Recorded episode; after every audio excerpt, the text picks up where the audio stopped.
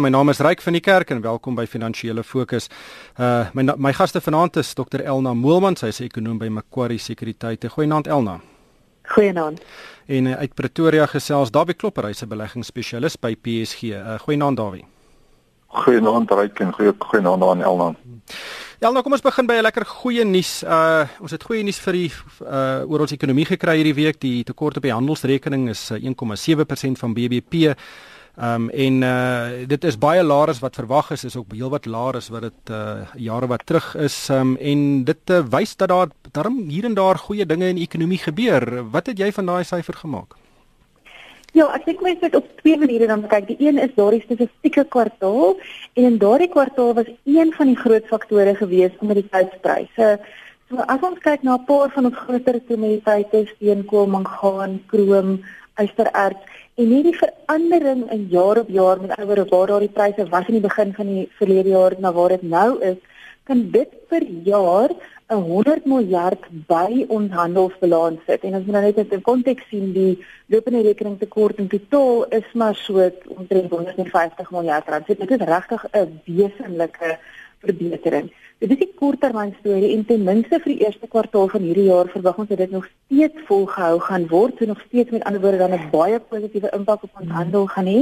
Maar ons dink dat van daardie kommoditeitspryse 'n bietjie kan daal na die einde van die jaar toe, so dan 'n bietjie minder ondersteuning. Maar as ons 'n bietjie meer na die tendens kyk van die swakste punt in 2013 af, dan dink ek hierdie verbetering wat ons nou geleidelik sien na die gemiddeld van 3.3% van BBP van verlede jaar is eintlik 'n reaksie op 'n rand wat baie swakker is.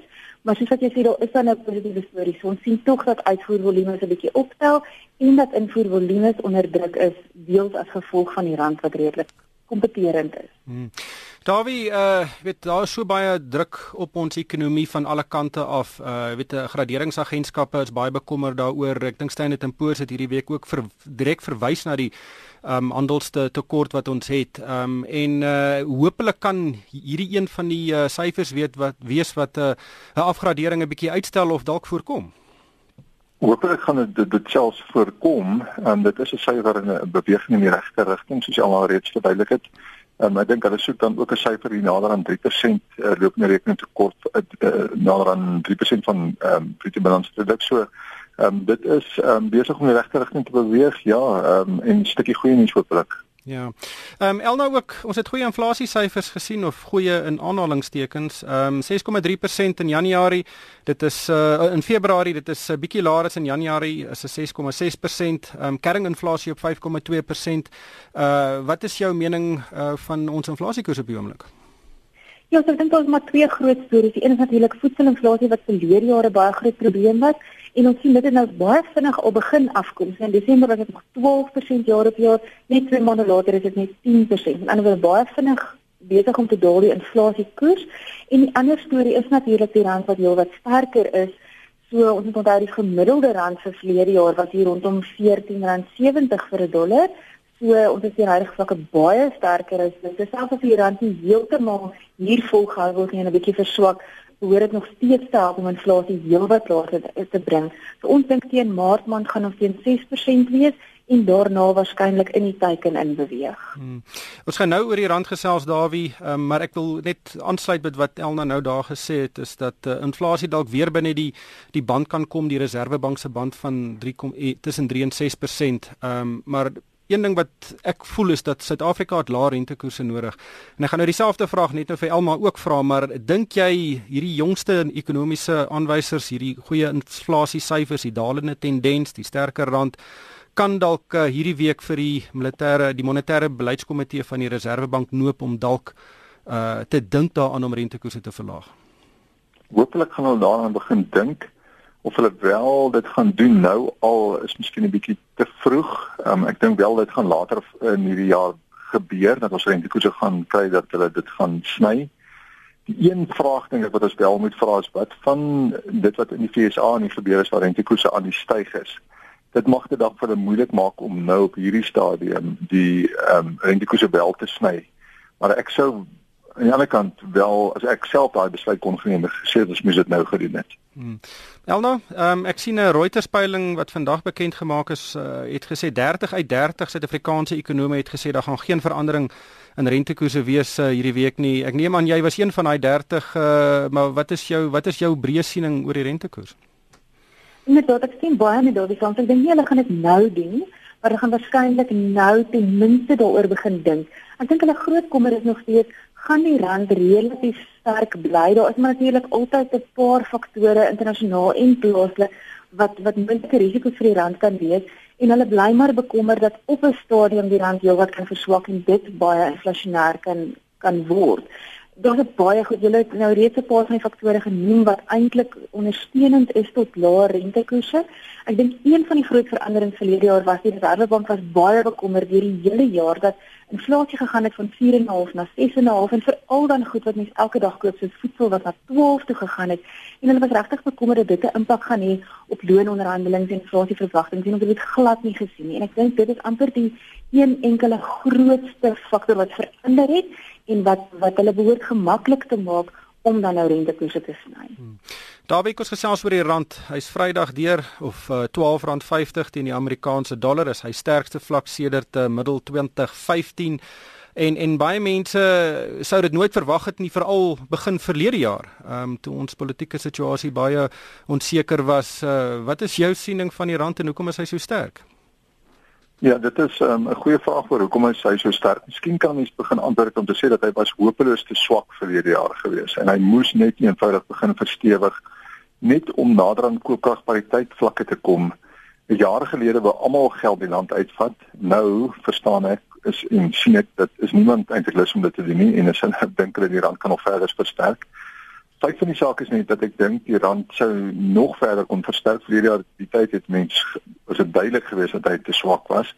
Maar um, hy begin nou nader aan vlakke kom wat meer aanvaarbare vlakke is hier rondom die 12.50. Ehm um, en maar koopkragpariteit sou dikteer dat hy kan nog verder versterk. En as mense in die buiteland gaan reis dan voel jy aan met 'n stok dat die rand is te swak en as jy buitelanders met as jy met hulle praat en sê hulle vir nog steeds dat hulle kan nie wag om in Suid-Afrika te kom besoek af en omdat dit so goedkoop is in hierdie kant Hmm. Elna, jou, hoe lees jy die rand op die oomblik? Ja, ek sê dit dalk so bietjie swakker wou gehad het. En anderswoorde as ons van na kyk, dan dink ek tussen 13 en 13 rand 50 is is waarskynlik meer volhoubare vlakke van die rand. Ons het nou net gepraat oor die lopende rekening en die feit dat dit onder beheer gekom het deels omdat ons meer meer dinge in die rand het en die ekonomie daarop reageer, maar as die rand teen huidige vlakke bly of enigstens sterker word, is ek nogal bekommerd dat die lopende rekeningverbetering nie volgehou gaan word nie. Dit vat altyd baie lank, dit vat ten minste 12 maande vir die ekonomie om wesentlik te reageer op 'n randverandering. Maar teen hierdie vlakke of enigiets sterker sal ek nogal bekommerd raak daaroor en ek moet dalk net aanklik wat ek vroeër gesê het oor die kommoditeitsprysverandering. So ek het nou gesê 100 miljard rand per jaar verandering net as gevolg van daardie prysveranderings. Maar as ons nou kyk waar waar daardie sommetjie ons plaas aan die einde van hierdie jaar as ons kommoditeitsprys vir vooruitskattings reg is, dan gaan ons amper die helfte daarvan weer weggee. Met ander woorde, jou lopende rekeningstekort is dan 'n bietjie swakker. Dit is minder ondersteunend vir die rand. Jy het meer invloed nodig om die rand dan stabiel te hou as jou tekort groter is. So ek dink tog na die einde van die jaar toe kan dit 'n bietjie bietjie swakker wees as wat ons nou sien. Hmm. Daarby kom ons gesels 'n bietjie oor Anglo American. Ehm um, die groep was nou hierdie week in die nuus uh, veral omdat die Oppenheimer familie uh sy belang in Anglo American gehalveer het. Natuurlik het hulle basies hierdie maatskappy tot stand gebring. Hulle het nou tot onlangs 1,8% van die aandele gehou. Nou is dit onder 1 persentasiepunt um wat hulle belang wat hulle hou 0,9%. En uh is dit 'n aanduiding van die tye of is dit maar gebaseer op waardasies uh en hoe hulle die toekoms van die mynbou sektor sien? Mense sou dink dat hulle of of die verwagting is of die die bespiegeling is dat hulle gedink het dat die waardasies van die maatskappy te hoog begin raak weer keer na sy herstel wat plaasgevind het na verlede jaar se afverkoping hier in Januarie waar die pryse na R50 uh, per aandeel toe gedaal het. Hierdie 0,9% uh, belang wat hulle nou besit is so 2,4 miljard rand werd um, nog steeds 'n redelike bedrag geld vir 'n familie om om om dit te besit in in 'n enkel maatskappy wat 'n paar jaar terug hulle belang in dit beurs geruil. Ehm um, ook aan Engelse American verkoop vir meer as 5 miljard rand. Maar mense sou vra, is dit gaan oor waardasies? Is dit iets wat hulle ons sê oor wat hulle dink wat in Suid-Afrika aan die gang is? Ehm um, is dit net 'n gewone stukkie diversifikasie wat die familie doen? Ehm um, en en hulle besluit hulle het genoeg gehad van 'n uh, groot belang in 'n enkel maatskappy.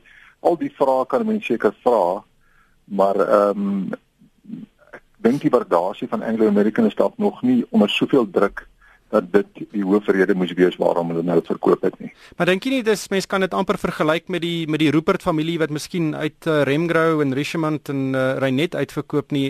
Is daar miskien 'n skoppeling wat jy kan maak in die wat hulle dink uh die toekoms van Suid-Afrika inhou? Dit is dis die ding wat ek dalk dink dat hulle dink dat hulle sê dat hulle wil miskien in die res van die wêreld eerder gaan belê en miskien uit uh, verder wegbeweeg selfs van hierdie baie wisselvallige 'n markomgewing 'n markomgewing 'n deelbronomgewing per definisie is baie wisselvallig. En sal hulle veel eerder dink ek as 'n familie wat al 'n nuwelste geslag van daardie familie is, wil sê maar kom ons gaan beveilig ons belegging, kom ons bekommer ons nie te veel oor al hierdie wisselvalligheid nie. Kom ons gaan kyk wat is die geleenthede wat in die res van die wêreld beskikbaar is eerder as om 'n groot klomp van jou belang nog hier in Suid-Afrika te hou en ehm um, ek dink dis diversifikasie en dan hierdie bekommernis oor hoe die situasie in Suid-Afrika gaan uitloop wat die grootste rol speel hierso. Elna, ek wil gou vinnig gesels oor uh die mededingingskommissie wat toegeslaan het op baie agente op uh, varsprodukte markte. Nou die mededingingskommissie of die mededingingsowerhede, ek dink ek is van die mees uh, doeltreffende uh regeringsagentskappe en hulle het nou toegeslaan op uh varsprodukte. Hulle sê daar's manipulasie van pryse deur van die groot agente. Dit vloei natuurlik natuurlik ook deur na arme mense of mense wat met eet en is baie sensitiewe onderwerp. Uh weet en is ook nie die eerste keer dat die dat hierdie uh, mededingingskommissie op voedselprodusente of of spelers in die voedselketting toeslaan nie ons uh, weet ruk terug het hulle die broodbedryf uh, gepak. Uh wat dink jy van wat hulle nou hier doen in die varsprodukte mark en dink jy daar daar kan 'n verskil kom in pryse wat verbruikers betaal vir vir vrugte en groente? Ja, ek is ongelukkig bietjie bietjie moeilik om hierdie vorm te weet regtig presies hoe groot die impak op op totale pryse is. Dit klink nogal asof hulle per dag uh, probeer om 'n invloed op die pryse te hê en dit lyk lyk definitief as as daar een of ander vorm van samestelling is. Maar dit is dit is met die inligting wat ons het moeilik om om regtig te weet presies hoe groot die impak dan nou op pryse is. Maar ek dink wat mense wel moet sê dat die kompetisie owerhede nog baie waarskynlik baie meer aktief gaan word. Ek dink dit is een van die temas wat baie duidelik in al die ANC se beleidsbesprekings op die onlangse dokumente na vore kom. Dit is vir my baie duidelik dat daar meer en meer klem gelê gaan word op 'n verskeidenheid van bedrywe vanuit hierdie perspektief. Hmm. Maar dan weet as as daar 'n groot probleem is vir samespanning uh, tussen groot maatskappye, kartelle, weet prysmanipulasie, is daar 'n manier om te sien of uit te vind hoe struktureel hoe groot is hierdie probleem in die ekonomie? Is dit 'n strukturele probleem waar uh groot uh spelers, uh, kleiner spelers uithou weens uh met samespannende gedrag? Ek dink dit bly altyd daai daai moeilike balans tussen hou die groot spelers die kleiner spelers uit of het jy maar ekonomie van skaal nodig? En ek dink dalk 'n antwoord verskil van industrie tot industrie en ek dink dit gaan regtig afhang van die van die mikrobesonderhede van elkeen van hierdie studies. Soos ek nou gesê het in, in hierdie spesifieke geval, is dit nie vir my heeltemal duidelik of dit regtig 'n wesenlike verandering in pryse teweegbring en of dit of dit reg meer 'n marginale impak is. Nee. Ja. Davie, ehm um, nog 'n regeringsagentskap wat in die nuus is, is die uh, Suid-Afrikaanse Inkomste Diens. Nou die tesourier het hierdie week vir die belastingombudspersoon opdrag gegee om uh, te kyk hoekom daar so baie klagtes is oor vertraagde belasting terugbetalings en is veral BTW terugbetalings wat uh, ondernemings nie kry nie. Ehm um, en baie mense kla dat weet die die ontvanger skuld hulle geld maar hulle word nie uitbetaal nie. Dink jy hierdie is 'n sistemiese probleem of uh, is dit maar uh, die normale ver verloop van sake by die inkomste diens? Ek weet nie of dit noodwendig normaal is nie want hoekom sal daardie klagtes dan nou eers skielik um, begin so na boontoe borrel? Um, mense is bietjie bekommerd oor SARS se vermoë om al hulle sake te hanteer. Hulle het 'n klomp baie senior mense verloor in die onlangse verlede. Mense sou selfs kon sê dat jy bekommerd is oor die staat se kontantvloei posisie. Um, as jy so ver wil gaan, ons sien dat hierdie klas van gedrag ook hier by munisipaliteite plaasvind waar hulle jou heffings weet wat jy water en ligte rekeninge kom net skat en nie meet weet nie spesifiek meet nie en dat dit dan daartoe lei dat ehm um, daar vertragings is of dat jy meer moet terugbetaal of meer moet betaal uiteindelik ehm um, is wat jy wag jy lank vir jou terugbetalings. Dieselfde geld dan nou lyk my ook in die tesorie daai kant van die saak. Ehm um, ek is nie presies seker ehm um, wat die beweegrede hiervoor is nie, maar dit maak mense tog 'n bietjie bekommerd. Ja, ehm um, daar het ek hierdie week met iemand gesels wat uh by die inkomste diens gewerk het en hy sê die verlies aan vaardighede die afgelope jaar en en 'n half is ongelooflik en en sekere afdelings wat uh, in in die verlede van die beste kundigheid in die land gehad het, uh, het dit net eenvoudig nie nou meer nie en en hulle moet nog steeds uh, baie aggressiewe teikens jaag. Ehm um, so, so die vraag is het hulle nog kapasiteit om dit te doen ja?